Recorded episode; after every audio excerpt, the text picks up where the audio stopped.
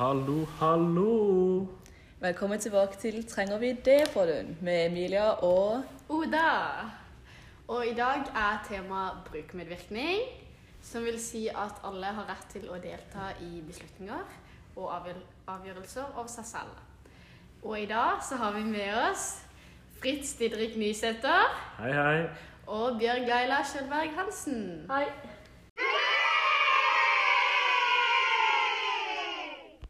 Kan dere fortelle litt om dere selv? Ja, det kan vi selvfølgelig.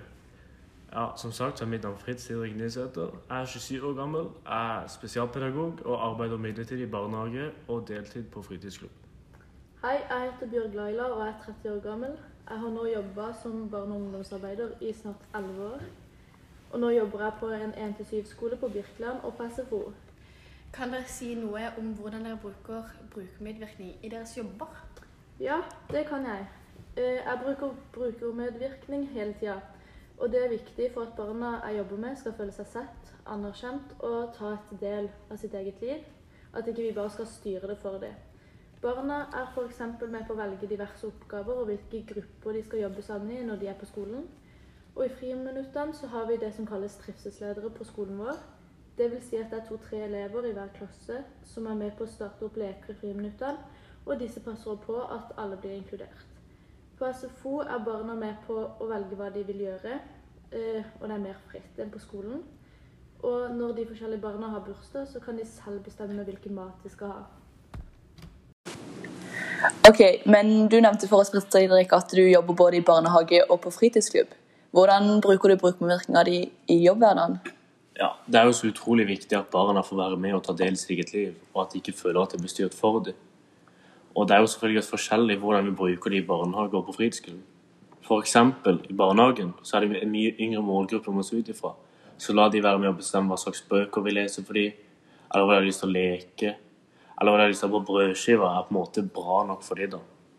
På fritidsklubb er det ganske forskjellig da. Der reiser vi på noen turer i løpet av året. Vi prøver å få en brukermøkning med at de får lov til å komme med forslag til hvor de vil reise og slikt. Vi har også mange aktiviteter der, og lager mat. Og la de være med å bestemme hva de vil spise, eller hva slags mat vi skal lage, og hva de vil gjøre. F.eks. spille på PlayStation, eller spille bordtennis eller biljard eller noe slikt. da. Ja. Um, jeg vet jo du kan litt om Barnekonvensjonen. Kan du fortelle oss litt mer om det, Emilia? Ja, så det med brukermedvirkning det er jo faktisk en lov. Det er lovfesta til bl.a. pasient- og brukerrettighetsloven. Og det vil da si at pasienten og brukeren har da rett til å medvirke og ta valg og utforming i forhold til tilbud, planlegging og gjennomføring. Så vi i Norge er da en del av FN, som har da en barnekonvensjon, som er en avtale med nesten alle land i verden, der det står om hvordan barn i verden skal ha det, og at eh, barn har rett til skole, helsehjelp, lek og fritid. Og Norge har da underskrevet denne barnekonvensjonen og gjort det til en av Norges lover. Eh, og det er veldig viktig at eh, rettighetene til barn blir hørt i saker som gjelder dem, og at de blir rett til å uttrykke meningene sine i saker som angår dem, uavhengig av alder, modningsnivå, funksjonsevne og etnisk tilhørighet. Eh, I Barnekonvensjonen er det tre artikler som er veldig viktige. Det er artikkel 12, 13 og 14. Eh, 12 handler om retten til å uttrykke seg. Den sier at alle barn har rett til å si sin mening, og at meninga skal bli tatt på alvor. Nummer 13 den sier eh, om ytringsfriheten til barn. Det at alle barn har rett til å få informasjon om det de lurer på, og rett til å gi uttrykk på det de mener, eller gi uttrykk på det de mener. Og nummer 14 handler om retten til egen religionutøvelse. At alle barn har rett til å tenke og tro på det de vil. Men hva blir egentlig rett, og hva blir galt med å, bestemme, med å liksom la barn bestemme selv? Hvor strenge skal vi være? Eh, barn og unge er jo såpass smarte i dagens samfunn.